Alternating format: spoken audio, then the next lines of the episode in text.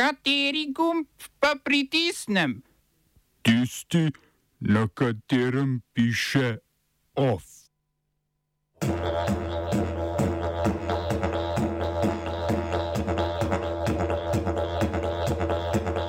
Mjanmarska hunta razpustila 40 opozicijskih strank.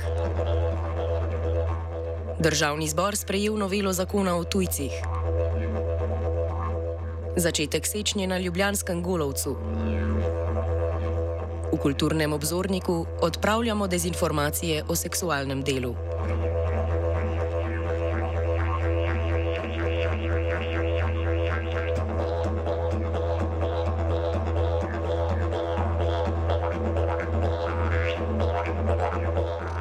Služba za zunanje zadeve Evropske unije je zanikala obtožbe Združenih narodov, da je Evropska unija pomagala pri zločinih nad migranti v Libiji.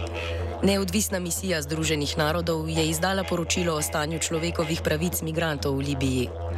Poročilo med zločini libijskih oblasti navaja priseljevanje žensko spolno suženstvo, samovoljna pridržanja, posilstva, umore, mučenje in zasužnjevanje, s katerim državne institucije ustvarjajo tudi znatne dobičke.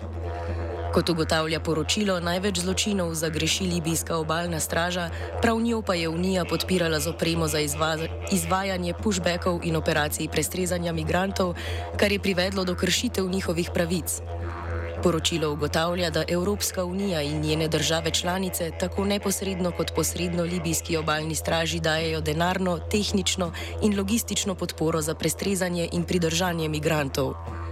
Kot so v medijskem sporočilu povdarili Združeni narodi, Evropska unija neposredno ne izvaja vojnih zločinov, a njena podpora izvajanje zločinov spodbuja.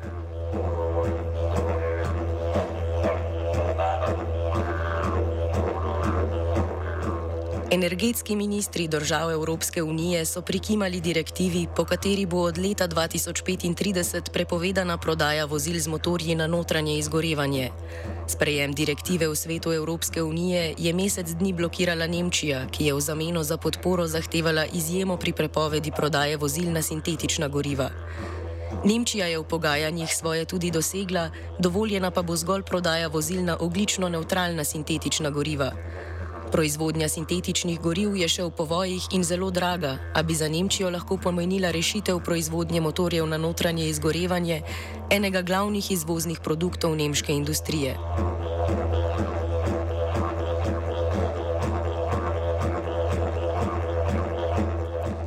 Vojaška hunta v Mjanmaru je razpustila 40 političnih strank, med drugim tudi stranko odstavljene kanclerke Aung San Suu Kyi.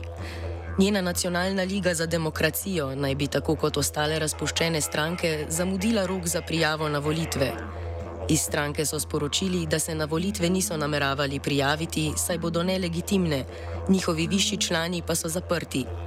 Vojaške oblasti so januarja strankam dale dva meseca časa, da, ponovno, da so se ponovno registrirale v skladu z novim volilnim zakonom. Ponovna registracija, ki jo je uspešno izvedlo 63 strank, je potekala pred novimi volitvami, ki jih je vlada obljubljala za julij, a je februarja razglasila šestmesečno podaljšanje izrednih razmer. Vojska je oblast z državnim udarom prevzela v začetku leta 2021, zdesetkala opozicijo in nadaljevala s pregonom manjšine Rohingya, ki ga je izvajala že vlada Aung San Suu Kyi.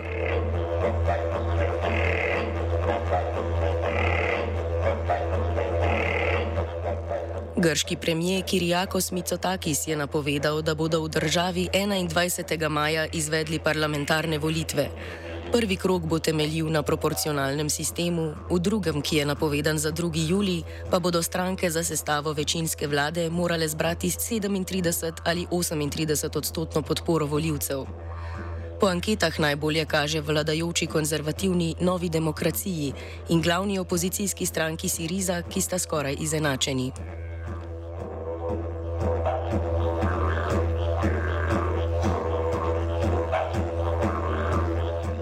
V kolumbijski prestolnici Bogota je nekaj ducatov aktivistov za pravice živali s protestom pozvalo spodnji dom parlamenta naj zakoni prepoved bikoborb. Decembra so prepoved sprejeli že v senatu, potem ko so jo novembra tesno zavrnili v spodnjem domu. Bikoborbe so zaenkrat poleg Kolumbije dovoljene v Mehiki, Venezueli, Ekvadorju, Peruju, Španiji, Franciji in na Portugalskem. Smo se osamosvojili, nismo se pa osvobodili. Da se naštejemo še 500 projektov. Izpiljene modele, kako so se strani nekdanje LDS rotirali. Ko to dvoje zmešamo v pravilno zmes, dobimo zgodbo o uspehu. Takemu političnemu razvoju se reče udar. Jaz to vem, da je nezakonito, ampak kaj nam pa ostane? Brutalni obračun s politično korupcijo. To je Slovenija,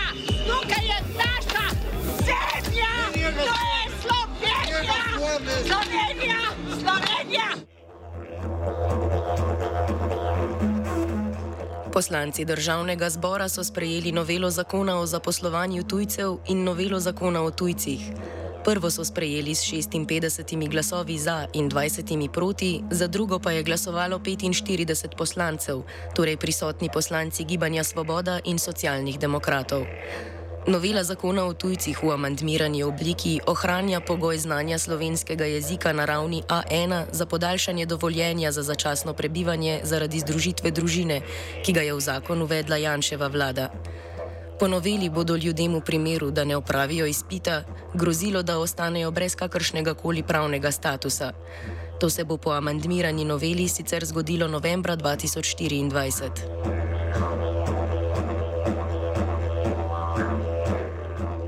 Državni zbor je sprejel tudi novelo zakona o makrobonitetnem nadzoru finančnega sistema, ki odpravlja omejitve pri kreditiranju vezane na minimalno plačo.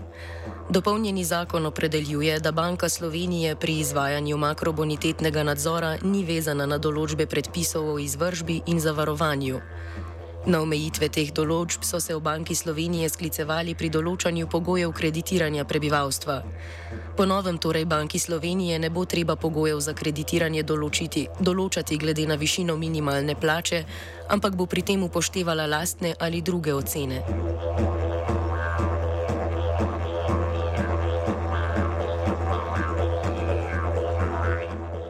Na Ljubljanskem golovcu se danes pričenja dvotedenska sečnja dreves. Kot so sporočili z Zavoda za gozdove, bo trajala dva tedna in obsegala 99 dreves. Njihovi zaposleni bodo večinoma opravljali pomladitveni poseg, nekaj bo tudi sanacije ali poseka poškodovanega in oslabelega drevja. Posege v mestni gost so izvedli lani ob Dunajski cesti in na trgu mladinskih delovnih brigad, preteklo zimo pa je civilna družba najbolj nasprotovala sečni na rožniku.